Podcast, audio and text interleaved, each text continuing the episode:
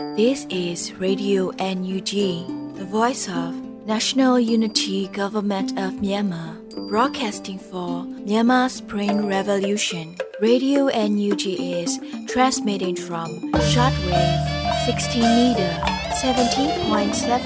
megahertz at 8:30 a.m. and 25 meter 11.94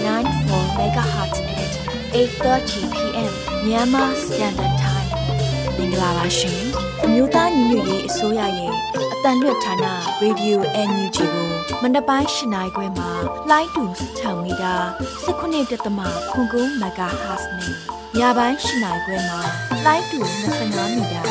17.3ကိုလီမဂါဟတ်စ်တို့မှာဓာတ်ရိုက်ဖမ်းယူနားဆင်နိုင်ပါပြီရှင်။မင်္ဂလာအပေါင်းနဲ့ကြိတ်ဆုံကြပါစို့။အခုချိန်ကစပြီး Radio NUG စီစဉ်လေးကိုဓာတ်ရိုက်အတန်နဲ့ပေးနေပါပြီ။ မြန်မာနိုင်ငံသူနိုင်ငံသားအပေါင်းတဘာဝပြီးဆရာနာရှင်တို့ကနေကင်းဝေးပြီးကိုစိတ်နှစ်ပါးပြီးကင်းလုံးကြုံကြပါစေလို့ရေဒီယိုအန်ယူဂျီပေကများကဆုတောင်းမြတ်တာပို့သလာရပါတယ်ရှင်။အခုချိန်ကစပြီးပြည်တွင်းသတင်းများကိုတော့လူဦးမောင်ကဖတ်ကြားတင်ပြပေးပါရမရှင်။မင်္ဂလာပါခင်ဗျာ။ယခုချိန်ကစပြီး Radio NUG ညနေခင်းသတင်းများကိုဖတ်ကြားတင်ပြပေးပါရမယ်။ကျွန်တော်ကတော့ ຫນွေဦးမှာပါခင်ဗျာပထမအဦးဆုံးသတင်းအနေနဲ့နယူးဇီလန်ကအကြမ်းဖက်စစ်အုပ်စုကိုပိတ်ဆို့အရေးယူမှုအတွက်ကျေးဇူးတင်ရှိတယ်လို့ယာယီသမ္မတဒူဝါလရှိလာကဆိုခဲ့တဲ့သတင်းပဲဖြစ်ပါတယ်။နယူးဇီလန်ကအကြမ်းဖက်စစ်အုပ်စုကိုပိတ်ဆို့အရေးယူမှုအတွက်ကျေးဇူးတင်ရှိတယ်လို့ယာယီသမ္မတဒူဝါလရှိလာကဇန်နဝါရီလ19ရက်နေ့ Twitter မှာတဆင့်ရေးသားပြောဆိုခဲ့ပါတယ်။ တင်းဤပတ်မမှုအတွက်နယူးဇီလန်ဝန်ကြီးချုပ်ဂျက်စင်ဒါအာတန်အားကျေးဇူးတင်ပါတယ်။စစ်တပ်ကမြန်မာနိုင်ငံတွင်ဒီမိုကရေစီနည်းကျရွေးကောက်တင်မြှောက်ထားသောအစိုးရကိုအာဏာသိမ်းရန်ကြိုးပမ်းမှုကိုတုံ့ပြန်သည့်အနေဖြင့်နယူးဇီလန်မှတင့်ကောင်းဆောင်မှုအောက်တွင်ပိတ်ဆို့အရေးယူမှုများချက်ချင်းချမှတ်ခဲ့ပါတယ်လို့ဆိုပါတယ်။နယူးဇီလန်ဟာမြန်မာလူမျိုးများရဲ့မိတ်ဆွေဖြစ်တယ်လို့လည်းယာယီသမ္မတကဆိုပါတယ်ခင်ဗျာ။ ဆက်လက်ပြီးစစ်ကောင်စီသည်အင်အားကြီးနေပြီဖြစ်သည့်အတွက်ယခုတစ်ချိန်တွင်အမြင့်ပြတ်ဖယ်ရှားရန်ပြည်ထောင်စုဝန်ကြီးချုပ်မန်ဝင်းခိုင်တန်းကပြောကြားခဲ့တဲ့သတင်းကိုတင်ဆက်ပေးမှာဖြစ်ပါတယ်။ဇန်နဝါရီလ19ရက်နေ့တွင်ကျင်းပတဲ့ဂျားကာလဒေသနာရပြည်သူ့အုပ်ချုပ်ရေးဖော်ဆောင်မှုဗဟိုကော်မတီအစည်းအဝေးမှာဝန်ကြီးချုပ်မန်ဝင်းခိုင်တန်းကအခုလိုဆိုလိုက်ပါတယ်။စစ်ကောင်စီသည်အင်အားချင်းနေပြီဖြစ်သည့်အတွက်ယခုတစ်ချိန်တွင်အမြင့်ပြတ်ဖယ်ရှားရန်ဖြစ်ကြောင်းစစ်ကောင်စီ၏ရေတောက်မြစ်များကိုဖျက်ထောက်ပြီး စစ်ကောင်စီကိုအမြင့်ကနေတွန်းလှန်ရန်သာကြံမာကြောင်းနှစ်ပေါင်းများစွာကတည်မြဲခဲ့သည့်အာဏာရှင်အားအမြင့်ကနေတွန်းလှန်ရန်အတွက်အင်အားများများနေပြူဟာကောင်းကောင်းနဲ့ဆောင်ရွက်ကြရမည်ဖြစ်၍အားလုံးပန်းမဝင်ခင်တတ်မချပဲပန်းဝင်သည့်အထိလောက်ခတ်ကြရန်ဝကြီးချုပ်ကဆိုပါတယ်။ဒါအပြင် စစ်တပ်ထုတ်ကုန်များကိုဘွိုက်ကော့ပြုလုပ်မိစရင်များကိုနှိုးဆော်ဆောင်ရွက်နေသည့်များကိုတွေ့ရှိရကြောင်းမြို့နယ်ပြည်သူ့အုပ်ချုပ်ရေးကာကွယ်ရေးလုံခြုံရေးအဖွဲ့များမှတိုင်ပင်၍ထိန်းကျောင်းကစနစ်တကျစီစဉ်ဆောင်ရွက်သွားကြရန်လိုအပ်ကြောင်းလည်းဝန်ကြီးကထပ်မံဆိုပါတယ်ခင်ဗျာဆက်လက်ပြီးမဲစင်းလုံနေတဲ့မြင်းမူလာဝကယုံမီးလောင်ခဲ့တဲ့သတင်းပဲဖြစ်ပါတယ်စကိုင်းတိုင်းမြင်းမူမြို့နယ်မှာမဲစင်းလုံနေတဲ့မြင်းမူလာဝကယုံမီးလောင်ခဲ့တယ်လို့သတင်းရရှိပါတယ်။ ဇန်နဝါရီလ19ရက်ည9:05မိနစ်အချိန်ကတွင်အထုအယောင်ရွေးကောက်ပွဲအောင်မြင်စေရန်ရည်ရွယ်၍မြင်းမူမြို့လာဝကရုံအတွင်း၌လျှို့ဝှက်စွာမဲစင်းရင်လုပ်နေကြစဉ်မိရှို့ခဲ့တယ်လို့ People Army to Fight Dictatorship ကအတည်ပြုဆိုပါတယ်။ဖြစ်စဉ်တွင် PADF နဲ့ PADF တပ်ခွဲ DKPDF MMU တပ်ဖွဲ့ဝင်များမှမဲစင်းစာရွက်စာတမ်းများကွန်ပျူတာများကိုမိရှို့ဖျက်ဆီးနိုင်ခဲ့တယ်လို့ဆိုပါတယ်။စစ်စင်ရေးကို People's Army to Fight Dictatorship PAFD တက်ခွဲ DK PDF MMU People Night Defense Force မြင်းမူ PKDF MMU တောင်သာ People Defense Force TTA PDF DBPF MMU မှမဟာမိတ်အဖွဲ့များပူးပေါင်းဆောင်ရွက်ခဲ့ခြင်းဖြစ်ပါတယ်ခင်ဗျာဆက်လက်ပြီးတော့ခင်ဦးမြို့နယ်ရွာသက်ကုန်းရှိစစ်ကောင်စီတပ်စခန်းမှထွက်လာသောစစ်ကောင်စီတပ်နှင့်ပြူများကိုမူးမြင့်အနောက်ဘက်တွင်ကာကွယ်ရေးတပ်များကယနေ့မနက်ကပြစ်ခတ်တိုက်ခတ်ခဲ့တဲ့တဲ့တင်ပဲဖြစ်ပါတယ်။ စကိုင်းတိုင်းခင်ဦးမြို့နယ်ရွာသစ်ကုန်းရှိစစ်ကောင်စီတပ်စခန်းမှထွက်လာသောစစ်ကောင်စီတပ်နှင့်ပြူများကိုမူးမြင့်အနောက်ဘက်တွင်ကာကွယ်ရေးတပ်များကဇန်နဝါရီလ20ရက်မနက်ပိုင်းမှာနှစ်ဖက်ပစ်ခတ်ခဲ့တာလို့ခင်ဦး KDK အဖွဲ့ကအတည်ပြုဆိုပါတယ်။ရွာသစ်ကုန်းမှပြူနဲ့စစ်ကောင်စီတပ်20ခန့်မူးမြင့်အနောက်ဘက်သို့ကူးလာပြီးမူးမြင့်အနောက်ဘက်တွင်ပြည်သူ့ကာကွယ်ရေးအဖွဲ့များဖြင့်ထိတွေ့မှုဖြစ်ခဲ့ပါတယ်။၈နာရီ40အချိန်ပြူနဲ့စစ်ကောင်စီတပ်15ဦးခန့်ရွာသားလေးကျေးရွာတဲ့သို့ဝင်ရောက်သွားပါတယ်လို့ဆိုပါတယ်။ စကိုင်းတိုင်းတွင်စစ်ကောင်စီတပ်များကနယ်မြေစိုးမိုးမှုမရှိတော့၍နေစဉ်ကျေးရွာများသို့လှည့်လည်စစ်ကြောင်းထိုးနေပြီးအရက်သားများကိုပြစ်မှတ်ထားတိုက်ခိုက်လျက်ရှိပါတယ်ခင်ဗျာ။ဆက်လက်ပြီးသိန်း40တန်စိန်နဲ့ပြုလုပ်ထားတဲ့မြန်မာပြည်ပုံကိုကျက်တဲ့နဲ့စစ်ကြောင်းရိတ်ခါအတွက်ကန်ဆယ်မဲ့လက်မှတ်တစ်စောင်းလင်ကျက်နှစ်တောင်းကျက်နဲ့ရောင်းချပေးနေတဲ့သတင်းပဲဖြစ်ပါတယ်။ ကျက်သိန်း40တန်းနဲ့စိန်နဲ့ပြုလုပ်ထားတဲ့မြန်မာပြည်ပုံကိုကျက်တဲ့နဲ့စစ်ကြောင်းရိတ်ခါအတွက်ကန်ဆယ်မဲ့လက်မှတ်တစ်စောင်းလင်ကျက်နှစ်တောင်းနဲ့ရောင်းချပေးနေတယ်လို့ဇန်နဝါရီလအတွင်းကျက်တဲ့နဲ့စစ်ကြောင်းကဖော်ပြအသိပေးဆိုထားပါတယ်။မြန်မာငွေပေါက်စေး340တန်းနဲ့မြန်မာပြည်ပုံ100ရာခိုင်နှုန်းစစ်စစ်စိန်အစ်စ်လေးကိုမဲဖောက်ရောင်းချသွားမှာဖြစ်ပါတယ်။ဒီပစ္စည်းလေးကတန်မိုးလဲကြီးသလိုအတိတ်ပဲလည်းအများကြီးရှိပါတယ်။မြစ်ကြောလေးတွေပါအစအသေးစိတ်အနုစိတ်ပြီးတေချာလှုပ်ထားတာလည်းဖြစ်သလို ဒီပစ္စည်းလေးပိုင်ရှင်ကလည်းသူအယမ်းမြင့်တို့တံမိုးထားပြီးစက်တဲ့နဲ့စစ်ကြောင်းရိတ်ခါကူညီနိုင်ဖို့လှူပေးခဲ့တာဖြစ်ပါတယ်လို့ဆိုပါတယ်။အဆိုပါမြမပြည်ပုံစိန်ပစ္စည်းမဲပေါက်တဲ့သူက340တန်စိန်ကိုပိုင်ဆိုင်ရမှာဖြစ်ပြီးတော့မဲအဆောင်300ကိုတစောင်းရင်းကျပ်2000လုံးနဲ့ရောင်းချပြီးတော့မှာဖြစ်ပါတယ်။ဝယ်ယူလိုသူများအနေနဲ့ကျက်တဲ့နက်စစ်ကြောင်းရဲ့လူမှုကွန်ရက်စာမျက်နှာတွင်ဆက်သွယ်မေးမြန်းဝယ်ယူနိုင်မှာဖြစ်ပါတယ်ခင်ဗျာ ဆက်လက်ပြီးဒေါ်လာရေးအဖွဲ့များတင်လိုသောဗီဒီယိုများကို Click to Donate တွင်ပေးဖို့ဖော်ပြနိုင်ပြီးရလာသောငွေကြေးကိုပြန်လည်ပေးဖို့မယ်လို့ဆိုခဲ့တဲ့သတင်းပဲဖြစ်ပါတယ်။ဇန်နဝါရီ20ရက်နေ့ထုတ်သတင်းအရဒေါ်လာရေးအဖွဲ့များတင်လိုသောဗီဒီယိုများကို Click to Donate တွင်ပေးဖို့ဖော်ပြနိုင်ပြီးရရှိလာသောငွေကြေးကိုပြန်လည်ပေးဖို့မယ်လို့ဇန်နဝါရီလ19ရက်နေ့မှာ Click to Donate ကအသိပေးဖော်ပြပါတယ်။အကြံလေးတစ်ခုပေးချင်လို့ပါဒေါ်လာရေးအဖွဲ့တွေအနေနဲ့ YouTube Channel တွေထောင်ပြီးအစကနေဗီဒီယိုတင်မနေပဲ Subscriber အများကြီးရှိပြီးသားကျွန်တော်တို့ Channel မှာလာတင်လိုက်ပါလားခင်ဗျာ။ဗီဒီယိုနာမည် description တွေမှာမိမိတို့အဖွဲ့နာမည်ဖန်တီးသူနာမည်တွေထည့်တင်ပေါ့။အဲ့ဒီဗီဒီယိုတပုတ်ချင်းစီကရသမျှဟာတွေအကုန်ပြန်တွက်ပြီးပိုက်ဆံပြန်ပို့ပေးပါမယ်လို့ဆိုပါတယ်။ Click to Donate ဟာပြည်သူများကကလစ်နှိပ်၍ရရှိလာသောငွေကြေးများကိုဒေါ်လာရေးအင်အားစုများထံပြန်လည်ထောက်ပို့ပေးရခြင်းပဲဖြစ်ပါတယ်ခင်ဗျာ။ နောက်ဆုံးသတင်းအနေနဲ့ကတော့2022ခုနှစ်ဒီဇင်ဘာလ31ရက်နေ့အထိစစ်အာဏာသိမ်းကာလအတွင်းစစ်ကောင်စီနဲ့လက်အောက်ခံအဖွဲ့အစည်းများကမီးရှို့ဖျက်ဆီးမှုကြောင့်နေအိမ်ပေါင်း4800ကျော်ပျက်စီးဆုံးရှုံးခဲ့တဲ့သတင်းပဲဖြစ်ပါတယ်။ 2022ခုနှစ်ဒီဇင်ဘာလ31ရက်နေ့အထိစစ်အာဏာသိမ်းစဉ်ကာလအတွင်းစစ်ကောင်စီနဲ့လက်အောက်ခံအဖွဲ့အစည်းများကမီးရှို့ဖျက်ဆီးခဲ့မှုကြောင့်နေအိမ်ပေါင်း48,463လုံးပျက်စီးဆုံးရှုံးခဲ့တယ်လို့ဇန်နဝါရီလအတွင်းမှာ Data for Myanmar ကအသိပေးဖော်ပြပါတယ်။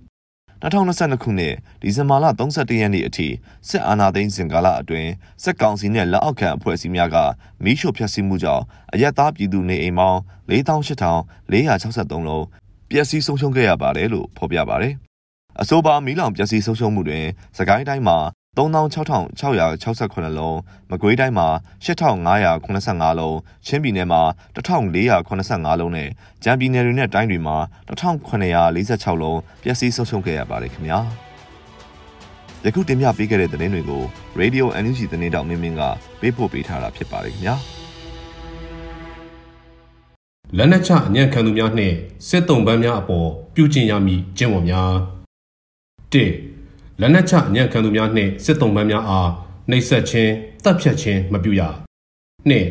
စစ်တုံးပန်းများနှင့်ဖမ်းဆီးထိန်းသိမ်းထားသူများအားဂျနီဗာကွန်ဗင်းရှင်းပါပြဋ္ဌာန်းချက်များအရလူကုန်တိတ်ခါနှင့်အညီဆက်ဆံရမည်၃မိသားစုများထံအတန်တိုင်းဆုံးအတိပေးကြောင်းကြားခြင်းကျန်းမာရေးဆောင်ရှောက်မှုပေးခြင်းခြုံလုံထားရှိရန်လိုအပ်ပါက အမျိုးသားနဲ့အမျိုးသမီးသီးသန့်ခွဲခြားချုပ်နှောင်ခြင်းပြုရမည်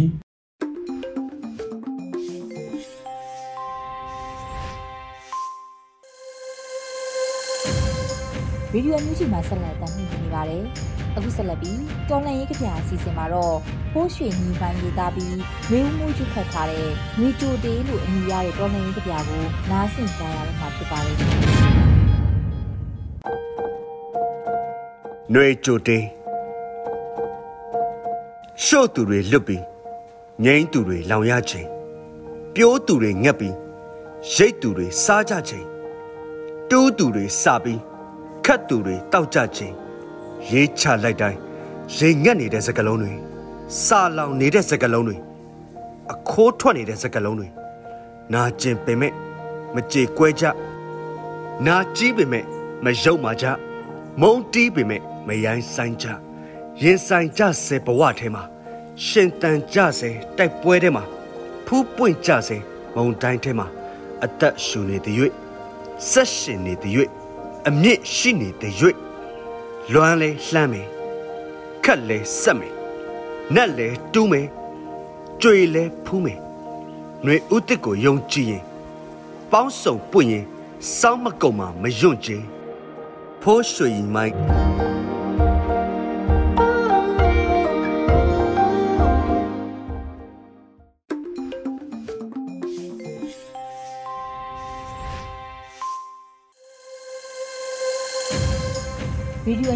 ဆက်လက်တင်ပြနေပါတယ်။အခုဆက်လက်ပြီးတော်လန်ရေးဆောင်မအစီအစဉ်မှာတော့ CDN တို့ရဲ့အတန်းနဲ့အာမန်အပိုင်း33ကိုမိုးခရဲ့တင်ဆက်မှုနဲ့နားဆင်ကြရတော့မှာဖြစ်ပါရဲ့ရှင်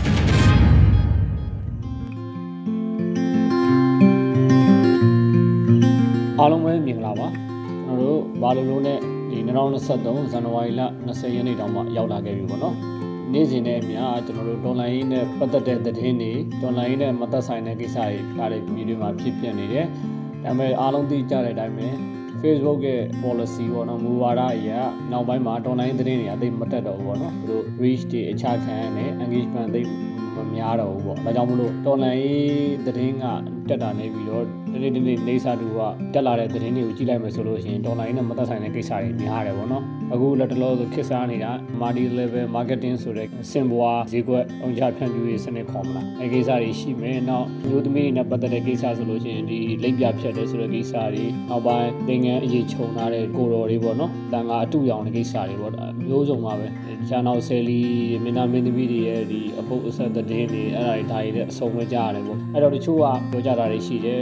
တော်လိုင်းကိုတွေးအေးနေပြီးလူတွေတော်တော်များများက ကိုယ်နဲ့မဆိုင်တယ်လို့မျိုးနေသွားကြပြီဆိုတာမျိုးသုံးသပ်ကြတာတွေရှိတယ်ပေါ့နော်တချို့ကြတော့လည်းလူလူစိတ်ဝင်စားမှုရောကြသွားပြီဆိုတာမျိုးပေါ့နော်သတင်းတွေတိတ်မတက်တော့ဆိုတာမျိုးရှိတယ်အမှန်တကယ်တော့အဲ့လိုမဟုတ်ပါဘူးကျွန်တော်ရှေ့မှာပြောခဲ့တယ်လို့မျိုး Facebook ရဲ့ policy မူဝါဒအရတိတ်မတက်တာပဲရှိတယ်တကယ်မြေပြင်မှာတော်လန်ရေးကိုထဲထဲဝင်ဝင်လုပ်နေတဲ့သူတွေစေရောကိုပါနှိမ့်နေတဲ့သူတွေကသူတို့ရဲ့လုပ်ငန်းတောင်းဝန်တွေကိုပုံမှန်တိုင်းလှုပ်ဆောင်နေတဲ့ NUG ဆိုလို့ရှိရင်လည်းဒီသူတို့ရဲ့မူဝါဒပိုင်းဆိုင်ရာရေးရဲ့ကိစ္စတွေပေါ့နော်ပူပေါင်းဆောင်ရွက်ရေးကိစ္စတွေလုပ်နေတယ်အခုတောင်ပိုင်းမှာ တင်တန်းတွေဆင်းနေကြတယ် PDF ရဲဘော်တွေ ERO နဲ့မြေထဲမှာအဲ့မှာတင်တန်းဆင်းပွဲတွေမှာဝန်ကြီးချုပ်ကိုယ်တိုင်မှအဲ့မှာလက်နက်တွေတွားပြီးတော့ပေးတာဒီငွေကြေးထောက်ပံ့တာတွေလုပ်နေတယ်ပေါ့နော်ပြောမှဆိုလို့ရှိရင်အန်ယူဂျီအနေနဲ့အနက်သက်ဆင်ပေးတဲ့ကိစ္စတွေလုပ်နေပြီးတနစ်စီမံချက်ကြိုတင်ကြီးညာရတဲ့အတိုင်းလှုပ်ဆောင်နေတယ်ပေါ့နော်သတင်းကိုပုံမှန်ဖတ်တဲ့သူ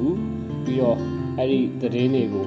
ဝင်ဝင်ပြီးတော့ ကိုဒီမှာမတက်လိုက်အောင်မှဝင်ဖတ်တဲ့သူတွေဆိုလို့ရှိရင်ဒီကိစ္စတွေသိပြီးသားဖြစ်မှာပါအဲ့တော့ဒေါ်လာရေးကဟိုသွေးအေးသွားတယ်လူတွေသွေးအေးသွားတယ်ဆိုတာမဟုတ်ပါဘူးသွေးအေးတဲ့သူတွေလည်းအေးကောင်းအေးနိုင်ပါတယ်တကယ်လှုပ်တဲ့သူတွေခံယူချက်နဲ့လှုပ်တဲ့သူတွေကတော့နေစာတူကနေစဉ်နဲ့အမြပေါ့နော်မိုးလင်းရမိုးချုပ်ဒီစိတ်နဲ့စားဒီစိတ်နဲ့သွားသွားနေကြတယ်ဆိုတော့လည်းပြောချင်တာပါနောက်တစ်ချက်ကကျွန်တော်တို့နိုင်ငံမှာဖြစ်ပျက်နေတဲ့အဖြစ်ပျက်တွေပေါ့နော် ပြောချင်တာကပြဿနာတွေကအများကြီးပဲအခုပြောတဲ့ material level marketing ဆိုတဲ့ကိစ္စပေါ့နော်အဲ့မှာပစ္စည်းတွေယူသေးနှိမ့်တဲ့ပစ္စည်းတွေအန်ရရှိတဲ့ပစ္စည်းသုံးဆွဲသူ customer ပေါ့နော်သုံးဆွဲသူမှာအန်ရရှိတဲ့ပစ္စည်းမျိုးတွေရောင်းချတယ်ဆိုတဲ့ကိစ္စတွေဒါတွေကအရင်ကတည်းကရှိနေတယ်အခုပိုဆိုးလာတယ်ပေါ့နော်တရားဥပဒေစိုးမိုးမှုမရှိတော့ပိုဆိုးလာတယ်နောက်တစ်ချက်ကလိပ်ပြဖြတ်တယ်ဆိုတဲ့ကိစ္စပေါ့ကျမ်းမာရေးနဲ့သက်ဆိုင်တဲ့ကိစ္စတွေပေါ့ဒါဒါမျိုးတွေအားလုံးရဲ့ဇစ်မြစ်ကိုပြန်ကြည့်မယ်ဆိုရင် root cause ကိုပြန်ကြည့်မယ်ဆိုလို့ရှိရင်အဓိကပြဿနာတွေက နိုင်ငံမှာတရားဥပဒေစိုးမိုးမှုမရှိဘူးအတိုင်းပြည်ကိုမတရားအာဏာသိမ်းထားတဲ့စစ်တပ်ပေါ့နော်စစ်တပ်နဲ့စစ်ကောင်စီဒီကနေပြီးတော့မှအတုံးမကြတဲ့ကြောင့်မလို့ပေါ့အတုံးမကြဘူးဆိုတော့သူတို့ကတကယ်တော့မသိတာမဟုတ်ဘူးသိတယ်ဒီလိုပြဿနာတွေဖြစ်နေတာအဲ့လိုပြည်သူတွေများများဒုက္ခရောက်နေသူတို့ကသဘောကျလေပဲဘာကြောင့်သဘောကျလဲဆိုတော့နိုင်ငံရေးဘက်ကမလှည့်နိုင်တော့လို့ပေါ့နော်စောင်းနေရေးတွေအခက်အခဲဒုက္ခတွေမလုံခြုံမှုတွေဒါမျိုးတွေမျိုးစုံဒုက္ခရောက်လေလေသူတို့ကသဘောကျလေလေပဲပေါ့နော်မျက်ဖြူဆိုင်လေဆရာကြိုက်လေဆိုတာမျိုးပေါ့နော်အဲ့လိုမျိုးရှိအဲ့တော့ကျွန်တော်တို့ကဒီလူတွေကိုတွားပြီးတော့နေပယ်တိတိမှာမတရားလုပ်နေသူမဟုတ်တာလုပ်တဲ့သူတွေတွားပြီးတော့ဒီချိန်ကြီးမှာခင်မကောင်းတဲ့ချိန်မှာကိုယ်လူမျိုးချင်းချင်းမတရားမလုပ်ပါနဲ့မဟုတ်တာမလုပ်ပါနဲ့ဆိုတွားပြောလို့တော့မရဘူး။ဘာကြောင့်လဲဆိုတော့သူတို့ကတရားတယ်မတရားဘူးဆိုတော့သူတို့သိတယ်မသိတာမဟုတ်ဘူး။သူတို့ကအဓိကငွေကြေးရရင်ပြီးရောအကျိုးမြင့်ရရင်ပြီးရောဆိုတာမျိုးပေါ့နော်။အဲ့လိုဖြစ်တဲ့ကြောင့်မလို့ဒီစနစ်တွေပျောက်ကွယ်ဖို့ဆိုတာလေတကယ်တမ်းကနိုင်ငံရေးစနစ်ကောင်းမှုလို့ပဲပေါ့နော်။နိုင်ငံရေးစနစ်တာကောင်းမှရင် ဒီလိုမျိုးလှုပ်ရှားတဲ့ဈေးကွက်ကြီးပေါ့နော်ဒါမျိုးကြီးကမဖြစ်တော့ဘူးပြည်သူတို့အန်နေများတယ်ပြည်သူဘဝတွေနောက်ရုပ်ရည်တွေအစရှိတဲ့ပြင်ပေါ့နော်အကုန်လုံးလူမှုစီးပွားတွေထိခိုက်မဲ့ကိစ္စတွေဒီလိုနည်းသွားမယ်ပေါ့ဒါမျိုးတွေရှိတယ်နော်လက်ပြဖြတ်တယ်ဆိုတဲ့ကိစ္စလည်းဒီတိုင်းပဲကျမ်းမာရေးဘူးသူကနည်းပါးတာနဲ့ဆိုင်မယ်လူတွေစင်းရဲတာနဲ့ဆိုင်မယ်ပေါ့နော် လှကျင်ပါကျင်တဲ့မိန်းကလေးတွေလှကျင်ပါကျင်စိတ်တွေများတယ်ကျမကြီးဘူးတုဒနေတယ်နောက်ငွေကြေးသုံးဆွနိုင်မှုကလည်းအကန့်အသတ်နဲ့ဖြစ်နေတဲ့ကြောင့်မလို့အစင်ပြေရလက်သိရဆိုပြီးတော့လောက်ကြတာတွေရှိတယ်ပေါ့နော်အနေများလို့များမှလည်းမသိကြဘဲနဲ့လက်ပြကြီးဖြတ်ကြတယ်ဆိုတာမျိုးတွေဖြစ်တာပေါ့နော်ဒီကိစ္စတွေကလည်းဒါကျမကြီးဆောက်ရှောက်မှုတွေနဲ့ဆိုင်တယ်ကျမကြီးဆိုင်ရာအသိပညာပေးရတွေနဲ့ဆိုင်တယ်လူတွေစင်းရတာနဲ့ဆိုင်တယ်ပေါ့နော်အဲ့တော့စီးပွားရေးစနစ်ကြီးပြန်ရောက်သွားတယ်စီးပွားရေးစနစ်ကနေပြန်တော့နိုင်ငံရေးစနစ်ဒီဝဲပြန်လှည့်သွားတယ်ပေါ့နော်နောက်တန်ခါအတူရောင်ကိစ္စတွေပေါ့ဘုန်းကြီးနဲ့မာတုကမှဘလို့မှမအပ်ဆက်တဲ့ကိစ္စပေါ့နော်။အိုးရရှင်လက်ထက်ကလေးကဝင်းဒီတိတ်ကဘုရားအတိအကျသတ်မှတ်ခဲ့ပြီးသားပေါ့နော်။ပြည့်ညက်ခဲ့ပြီးသားရှိတယ်။ကိုမိဘအရှင်ညီမအမဖြစ်နေပါစေအောင်ဘုန်းကြီးဒီရဟန်းတန်ဃာတွေဟာသင်္ကန်းဝတ်ထားပြီဆိုလို့ရှိရင်မာတုကမတွေနဲ့ တားချင်းထိတွေ့ကန်တယ်လို့မရတော့ဘူး။အခြားကိစ္စမပြောနဲ့အသားချင်းထိလို့မရဘူး။ဒါကိုအတီးလင်းပြဋ္ဌာန်းတာတယ်။အဲ့တော့ကလေးတွေနဲ့ဘုံကြီးတွေပေါင်မော်တက်ထိုင်တာမျိုးတို့ဒီမှာအတူတူအိတ်တာမျိုးတို့ဘလို့မှမအပ်ဆက်တဲ့ကိစ္စတွေပေါ့နော်အဲ့တော့ list တွေပေါ့တန်ခါအတူရောင်နေတဲ့ကိစ္စတွေပေါ့နော် pride ဘန်းပြပြီးတော့ကလေးတွေစောင့်ရှောက်ပေးရဲဆိုကူညီပေးရဲဆိုတာမျိုးတွေပေါ့ဒါတွေကလုံးဝမဖြစ်တဲ့ကိစ္စတွေပြဿနာတွေကတော့အများကြီးပါပဲနိုင်ငံမှာတရားဥပဒေစိုးမိုးမှုမရှိချုပ်အချအ ချုပ်ချအာဏာတည်နှံ့ခိုင်မြဲမှုမရှိတဲ့အခြေအခြေအနေတွေကရောင်းဆန်နေတယ်ပေါ့နော်ရောင်းဆန်နေတယ်လူတွေဒုက္ခဒုက္ခရောက်နေတယ်အဲ့ဒါတွေအကုန်လုံးညော့နေသွားဖို့ပတ်တော်သွားဖို့ကတစ်ခုတည်းသောနည်းလမ်းကနိုင်ငံရေးစနစ်ကောင်းဖို့နိုင်ငံမှာအသိပညာမြင့်ဉာဏ်မြင့်မားပြီးတော့စိတ်ကောင်းစိတ်မကောင်းရှိတဲ့အရေးချင်းရှိတဲ့သူတွေအုပ်ချုပ်ဖို့လိုတယ်အဲ့တော့ကျွန်တော်တို့ထုတ်ပြောရရင်တော်လိုင်းမြန်အောင်ဖို့လိုပါတယ်တော်လိုင်းမြန်အောင်သေးခြင်းနဲ့ဆိုတာလေဒီလိုကိစ္စတွေအကြောင်းဖြစ်တယ်အဲ့တော့ကျွန်တော်တို့နေ့စဉ်နဲ့အမျှတော်လိုင်းမှာ ကိုယ့်ရဲ့အခြေအနေငွေကြေးတွေကိုပါဝင်ပေးပါအိစာတူကလက်နက်မကန်နိုင်ဘူးရတယ်ကိစ္စမရှိဘူးပုံမှန်လေး click ပေးပါမ click တတ်ဘူးဆိုရင်တော့မှ YouTube ကြည့်ပြီးတော့ stream လုပ်ပေးလို့ရတယ်ပြီးရင်လာတလားရဲ့ကိုဝင်ငွေတွေကနေပြီးတော့မှရာဂိုင်နှုန်းအနည်းငယ်ကို online မှာထည့်လို့ရတယ်ပြီးရင် online account account တူပေါ့နော်ကိုယ့်ရဲ့ နာမည်အရင်ဓာတ်ပုံအစစ်တွေနဲ့တုံးတာမျိုးမဟုတ်ပဲနဲ့လုံခြုံရေးအနေနဲ့ကနေပြီးတော့မှကင်းဝေးအောင်လုံခြုံရေးအနေနဲ့မရှိအောင်အကောင့်တူဖွင့်ပြီးတော့ဗောနော် online အကောင့်ဖွင့်ပြီးတော့ online post တွေကို share တာ react ပေးတာ comment ရေးတာဒါမျိုးတွေလုပ်ပေးလို့ရတယ် campaign တွေ project တွေစသဖြင့်ဝင်ပါပေးလို့ရတယ် online အတွက်ကိုလုံနိုင်လာမှာမြန်လုပ်ဖို့လိုတယ်အားလုံးကနေပြီးတော့မှတိုက်ညီလက်ညီနဲ့ခံယူချက်ယုံကြည်ချက်နဲ့လုပ်မယ်ဆိုလို့ရှိရင်ဒေါ်လာရင်းမြန်အောင်မှာဖြစ်တယ်မြန်မြန်ပြီးမှဖြစ်တယ်ပြီးတော့ဒီတိုင်းပြည်ရဲ့ဒုက္ခဒုက္ခတွေထူးထူးမှာဖြစ်တယ်ဆိုတာကိုပြောကြချင်ပါတယ် အရေးတော်ကိုမဟုတ်ချအောင်ရတယ်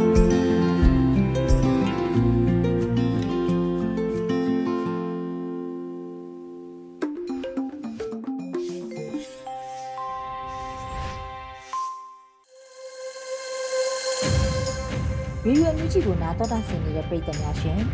ဒီနေ့ရဲ့ဒေါ်လာဟီတီဂီတာအစီအစဉ်မှာတော့ရေးဆိုထူးကျော်လင်းရဲ့ဘာမတီအာဇာနီလို့အမည်ရတဲ့ဒေါ်လာဟီတီဂီတာကိုနားဆင်ကြရတဲ့မှာဖြစ်ပါရဲ့ရှင်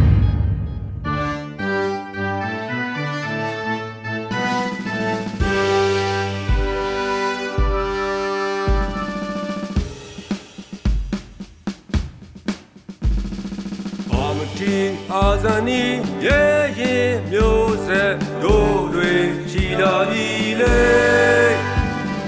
ဘာမတီအာဇာနီတရားတော်စစ်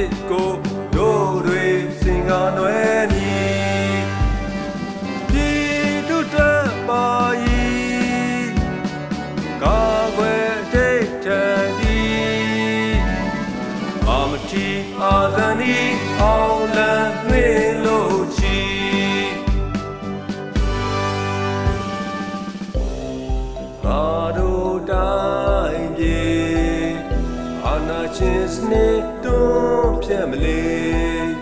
အတ္တမတွေကြာရှုံးရမည်လောကတရားညီ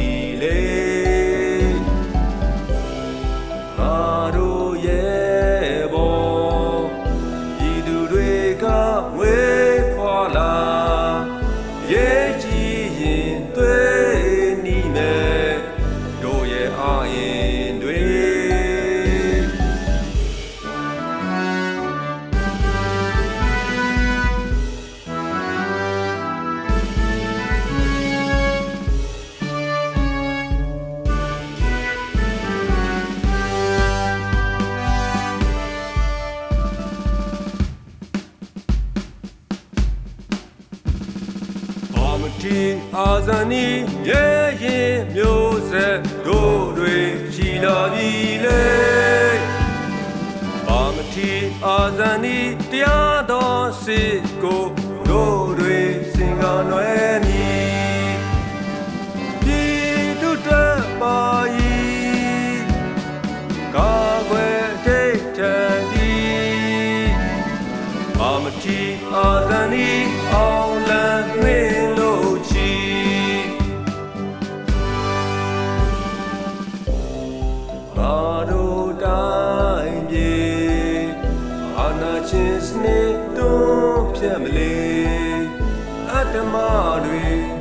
ရှုံးရမည်လောကတရားညီလေအာတို့ရဲ့ဘောဤသူတွေကဝေ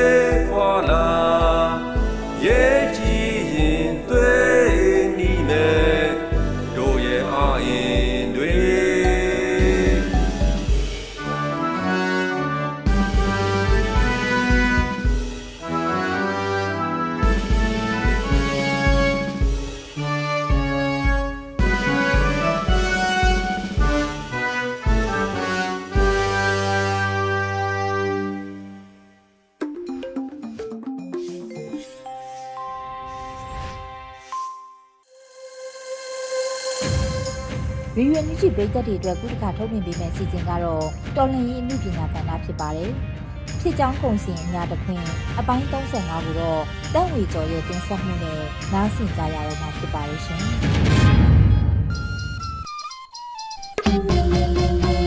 အညာတခွင်အဖြစ်ကြောင်းပုံစံပြောပြရရင်အာနာရှင်တော်လည်းအမြင့်ဖြုတ်ဖို့မြင်တော်လူတော်အပြည်သူများညီညွတ်လို့ပင်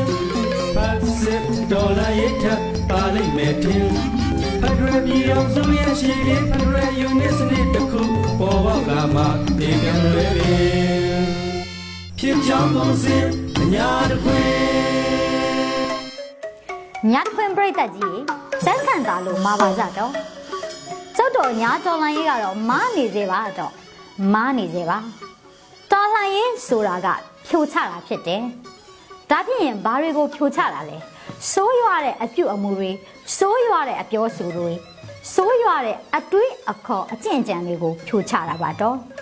ကုံကုံပြောရရင်စိုးရွားတဲ့စနစ်တစ်ခုကိုဖြိုချတာပါတော့ဆိုရတဲ့စနစ်ကဘာလဲလို့မေးအောင်မလို့လားလင်းပါမတော့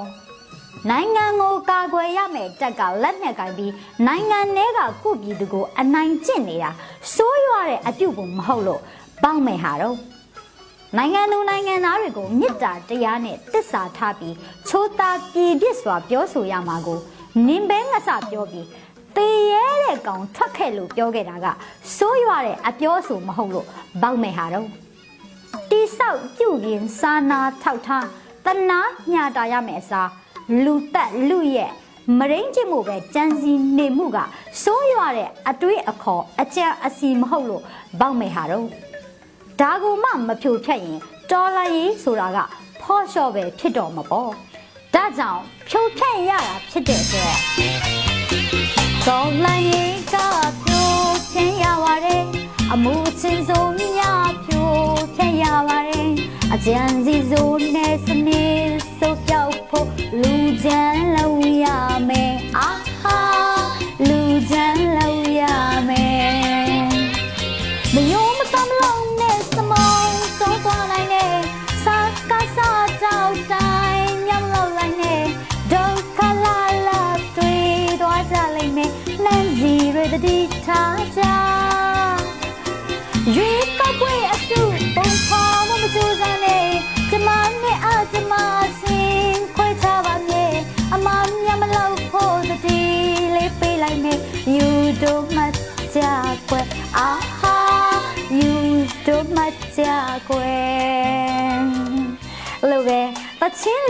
ပေးပြရစီတော့ကြောင်းပုံစံအညာတခွင်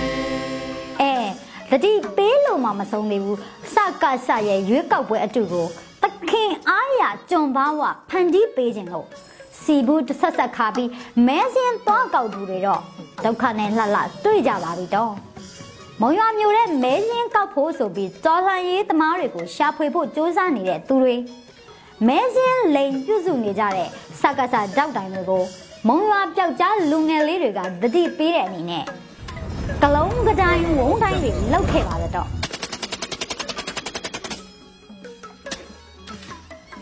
ပလဲမြို့ပေါ်မှာလဲပကောင်းစရင်ကောက်ပြီး let's go to hill ကြတဲ့စကားစာတွေကိုလည်းအတူအရှိတွေကျွေးခဲ့ပါသေးတယ်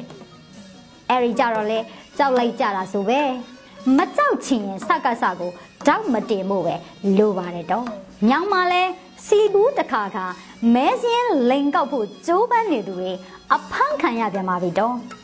ဒီနယ်မြေဒီအနေထားမှာငရဲပန်းကိုရွှေပန်းထင်းနေကြသူတွေရဲ့ကိုမိုက်ဇက်ကိုကမှုကြီးပါပဲတော့အခုတော့အုတ်ကြီးဇနီးအပါအဝင်စကစတောက်တိုင်တွေအကြမ်းဖက်ဥပဒေနဲ့အရေးယူခံရတော့မယ်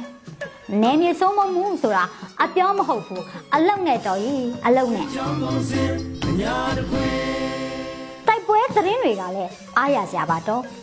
အခုတလောအညာတော်လန်ရဲ့ရဲ့နေပယ်ဟာပိုးကျလာပြီး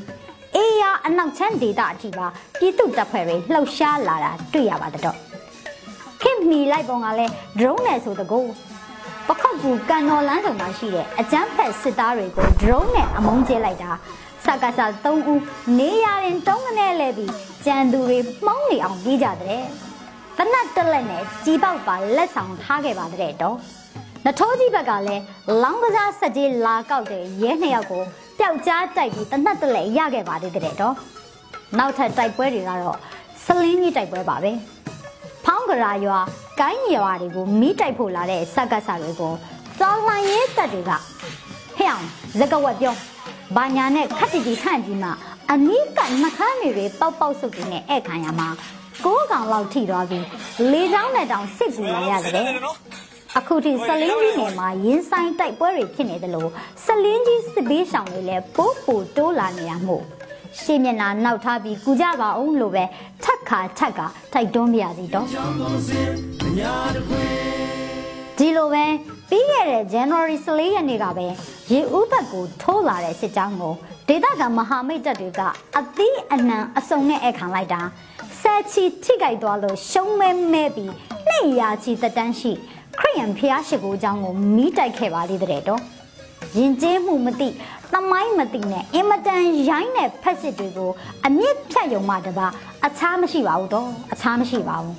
ကဏီမှာတော့ တိုက်ပွဲရက်20ကျော်အတွင်းအထိအခိုက်အမဲဆုံးရင်းဆိုင်တိုက်ပွဲဝင်နိုင်ခဲ့ကြတဲ့ပြည်သူမဟာမိတ်တပ်ဖွဲ့တွေကိုပြည်သူတွေကအိုးစီပုံမောင်းတွေနဲ့တောင်းတောင်းဖြတ်ဖြတ်ကြိုးဆိုကြပါတော့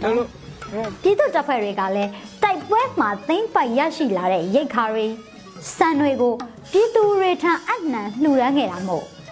တက်နဲ့ပြည်သူပြည်သူနဲ့တက်ဆိုတာ PDF နဲ့ပြည်သူကိုပြောတာဖြစ်ပြီး အကျန်းဖက်သမားစကားစဖက်စစ်တွေရဲ့နေရာမရှိတော့ပါဘူးလို့ပဲသတင်းကောင်းပါခြင်းပါတော့ထုံးစံအတိုင်းနိုင်ငံရေးပဲလှည့်ရရင်တော့အခုတလောနှုတ်ကြီးအစိုးရရဲ့တနှစ်စီမံကိန်းနိုင်ငံရေးအင်အားစုတွေရဲ့လှုပ်ရှားမှုပြည်သူရွေးကောက်ခံကိုယ်စားလှယ်တွေရဲ့လှုပ်ရှားမှုနဲ့ပြည်သူတပ်တွေရဲ့လှုပ်ရှားမှုတွေဟာခက်စိတ်စိတ်ဖြစ်လာတာကိုတွေ့ရပါတယ်။ စီရဲလှုပ်ရှားမှုတွေမကနိုင်ငံရေးလှုပ်ရှားမှုအဖြစ် Federal Unit အတိုင်းနိုင်ငံ platform ကြီးပေါ်ပေါက်လာဖို့ဟာလဲတော်တော်နိစ္စလာပြီဆိုတာအတက်ဖွယ်တွေ့ရကြားရပါတယ်တော့။ဒီနိုင်ငံရေး platform ကြီးကတဆင့်သမိုင်းတပတ်ပြန်တပေါင်းတစ်ခုဖြစ်တဲ့မြင့်ညာချင်းတွင်လူတသိန်းအရှင်းလွတ်လပ်တန်းဆိုတဲ့တပောင်နဲ့လျော်ညီစွာအညာဖက်ဒရယ်လွတ်မြောက်နေညီကြီးကိုထူထောင်နိုင်မှုမျှော်ယူနေကြပါလိမ့်တော့ အညာဖက်ဒရယ်အညာ